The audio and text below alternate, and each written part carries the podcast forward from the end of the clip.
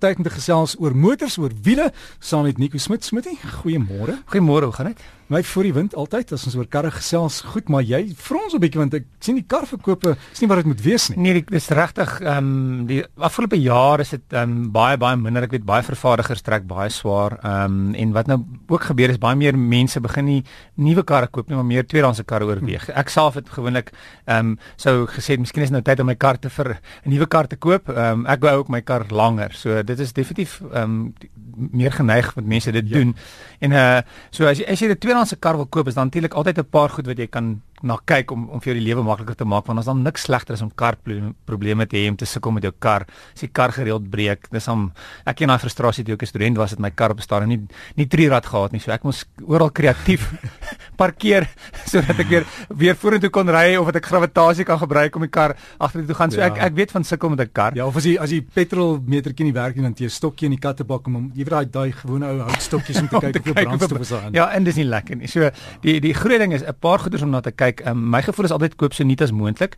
Ehm um, ehm um, eerder 'n kleiner karretjie met met met met lae kilometers en baie vervaardiger het, het wat hulle noem demo modelle en dis altyd dis nogal 'n goeie voertuig want dit min kilometers op en dit gewoonlik nog nog steeds die waarborg en en, en baie maal die diensplan of die motorplan. Maar kom ons sê kyk na 'n kar wat wat bietjie ouer is. Ehm um, Eerste ding wat ek sal sê is is goed om na 'n kar te kyk in in die sonlig. Nee, die aand is nie altyd so goed nie want die, um, jy kan nie so goed sien nie of onder onder ligte in 'n in 'n en 'n handelaar gaan jy ook nie noodwendig so goed kan sien nie. Veral as die son skyn, is dit die beste tyd om om na die kar aan die buitekant te kyk. Wat jy baie maal na wil kyk is is is as jy net loop en jy kyk na refleksies in die deur. So kom ons sê jy kyk na die deur en daar's plaveisel wat refleksie maak. Loop net vorentoe en agtertoe en kyk wat doen daai daai refleksie want as daar as daar paneelwerk was, kan mens dit baie maal sien oh, ja. aan die refleksies. Ehm um, ook dan natuurlik die, die verf moet konstant wees. As die kleur bietjie verskil is daar is daar is daar gewoonlik of is die kans 'n goed draai herstelwerk was want eh, 'n kar word geverf een vorm. So as die deure bietjie ander kleur is, moet jy weet daar's daar's goeie kanse. En dit beteken die motor was heel moontlik 'n ongeluk. Dis reg. So 'n ander manier ook om te kyk of die motor moontlik 'n ongeluk was. 'n Maklike manier is om die deure oop te maak en enige verfspikkels op die op die rubber is dadelik 'n aanduiding van van werk want hulle hulle baie maal sal die rubber stukkies toeplak as hulle die voertuig sprei dit uh, seël nie noodwendig so goed nie. So enige verf spikkels op die rubbers van die deure of die kattebak of selfs die die brandstofkap wat jy oopmaak is kan ook moontlike aanduiding wees dat dat die voertuig in 'n ongeluk was. Partymal is dit kan dit 'n klein stampie wees en partymal kan dit 'n groter ongeluk wees. As jy regtig wil seker maak die AA of Dekra doen gewoonlik toetse. So jy kan die voertuig na hulle toe vat en hulle sal mooi na die kar kyk en as die kar 'n ongeluk was, gaan hulle dit natuurlik beter optel. Baie maal ook die engine as die engine kap oopmaak, die die boute is is 'n groot gedeelte van die tyd is dieselfde kleur as die voertuig. En as die boute dan skielik silwer is, dan kan dit ook 'n aanduiding wees van die boute dat die voertuig in in 'n ongeluk was. Natuurlik as jy die kar aanskakel met nie rookwolke en, en jy's nie James Bond nie, soos daar rookwolke enige kleur is as die voertuig aangeskakel word, is dit is ook nie 'n goeie aanduiding nie. Baie dieselvoertuie kan as hulle wat ons noem 'n dieselparticulate filter het, um, as jy eentjie ry dan dit kan dit normaal wees dat daai filter homself skoon maak, so dan kry jy so swart swart pofwolk en dan is dit weer weg. Maar as jy nogal redelik konstante swart ehm um, rook uit 'n dieselvoertuig byvoorbeeld kry, dan is dit ook nie 'n goeie idee nie. So gaan doen 'n toetsrit met die voertuig en jy moenie enige snaakse klanke hoor nie.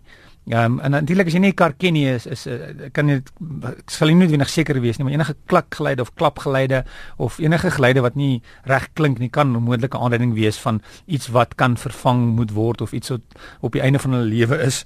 Ehm um, kyk na die bande die loopvlak is die bande mooi egalig afgeloop. Dit kan ook net wees dat die die druk nie reg is nie, maar die bande moet nie van links na regs nie egalig wees nie. En dan onthou as die loopvlak amper klaar is en jy met nuwe bande koop, wat is die koste van daai bande? Want as jy nou lekker laadheim 20 uh, velling sê dit lyk baie mooi, maar daai bande is gewoonlik redelik duur om om te vervang.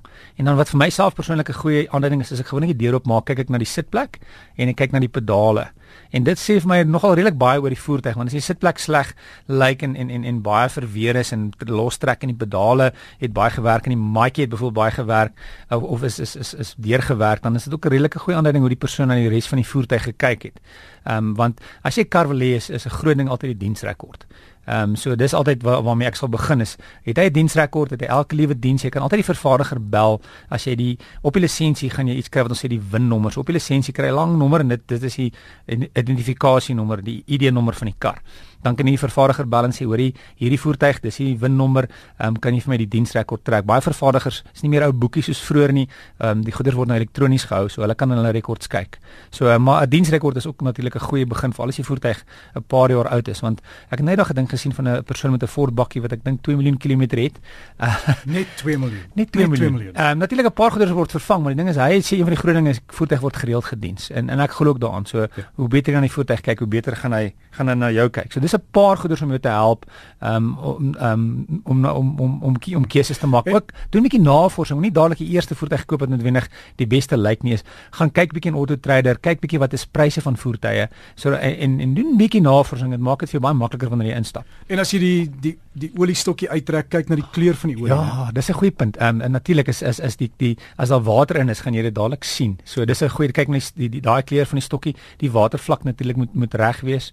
Ehm um, dit moenie laag wees nie maar dis kan net wees dat die voertuig water nodig het maar ook dan 'n ander belangrike ding is die voertuig moenie warm word nie. Warm word 'n groot probleem. So as jy hom ry met die voertuig vir 'n rukkie ry. As hy warm word stap weg. Dis dis dis nie 'n goeie ding nie want voertuie wat warm word het nog nog het gewoonlik redelik baie skade gekry of kan skade kry en kan jy nog redelik geld uit die sak kos jy praat van tweedehandse motors maar hmm. wat gebeur dan met die derdehandse? Die, die ou motors waar waar gaan leen of die vierdehandse motor. Ek um, weet jy wat baie voertuie um, is net hulle hulle hulle kom aan die einde van 'n leeftyd voet um, daar's so baie probleme en goederes wat wat reggemaak moet word die die, die, die sê luister ek die voertuig is 10000 rand werd maar gaan my 15000 rand kos om hom reg te maak. Ehm um, want voertuie moet gery word en een ding wat baie sleg is is 'n kar wat stil staan. Want uh, die dis maar net daar moet 'n bietjie hitte wees die die remstelsel byvoorbeeld kan kan kan kan uh, uh, na lang tyd as is as as daai vloeistof nie werk nie kan daar kondensasie wees in die stelsel die rubbers moet werk en smeer. So 'n voertuig wat lank stil staan is ook nie noodwendig 'n goeie idee nie. Voertuie moet ry om bietjie te help met die lewe um, of die leeftyd van die voertuig so dis hoekom altyd as jy 'n kar koop persoonlik sal ek sê koop eerder 'n nuwer kar met laer kilometer wat jou langer gaan hou party mense hou meer van die status so as jy luister ek koop 'n bietjie ouer kar en dit's 'n bietjie 'n dierder kar met 'n groter engine maar daar is natuurlik alles goeders wat wat jou meer gaan kos as jy die voertuig moet dien. So daar's baie huiswerk om te doen.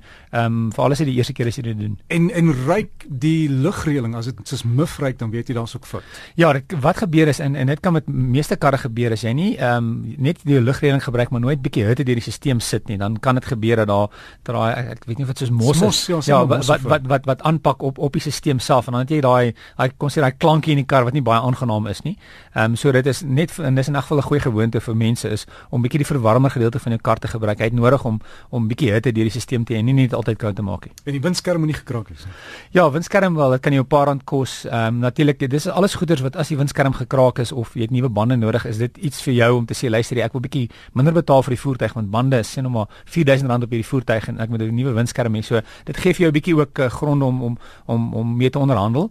En dan natuurlik laastens is kyk na die, die ons praat van die inruilwaarde en die herverkoopwaarde of trade and retail waarde. So dit gee vir jou goeie aanduiding van wat die koste is. Hulle sal vir hulle hulle het 'n boekie elke elke tweedehandse uh, handelaar sal 'n boekie en sê luister sê vir my bietjie wat is hierdie voertuig se se herverkoopwaarde en inruilwaarde en ehm um, dit gee vir jou aanduiding waar jy moet wees. As jy by die herverkoopwaarde is, is omtrent reg, maar dit hang ook af van die mark, hang af van die tyd van die maand. So daar's altyd vir jou bietjie tyd om te onderhandel. So ek sal sê onderhandel altyd. Ja, maar dankie vir dit. Uh, ons nou uitkyk as, as daai winskoop na jou toe kom met jy al hierdie punte in gedagte hou. Ja. En partykeer kan dit jou baie geld uit die sak gee. Dis reg. Dis dis jy betaal dalk minder nou, maar later kos dit jou meer. So um, doen maar 'n bietjie huiswerk. So gesels ons met Nico Smit Smit hier op RXG oor wiele en volgende Saterdag doen ons dit weer en veilig by jou bestemming kom asseblief.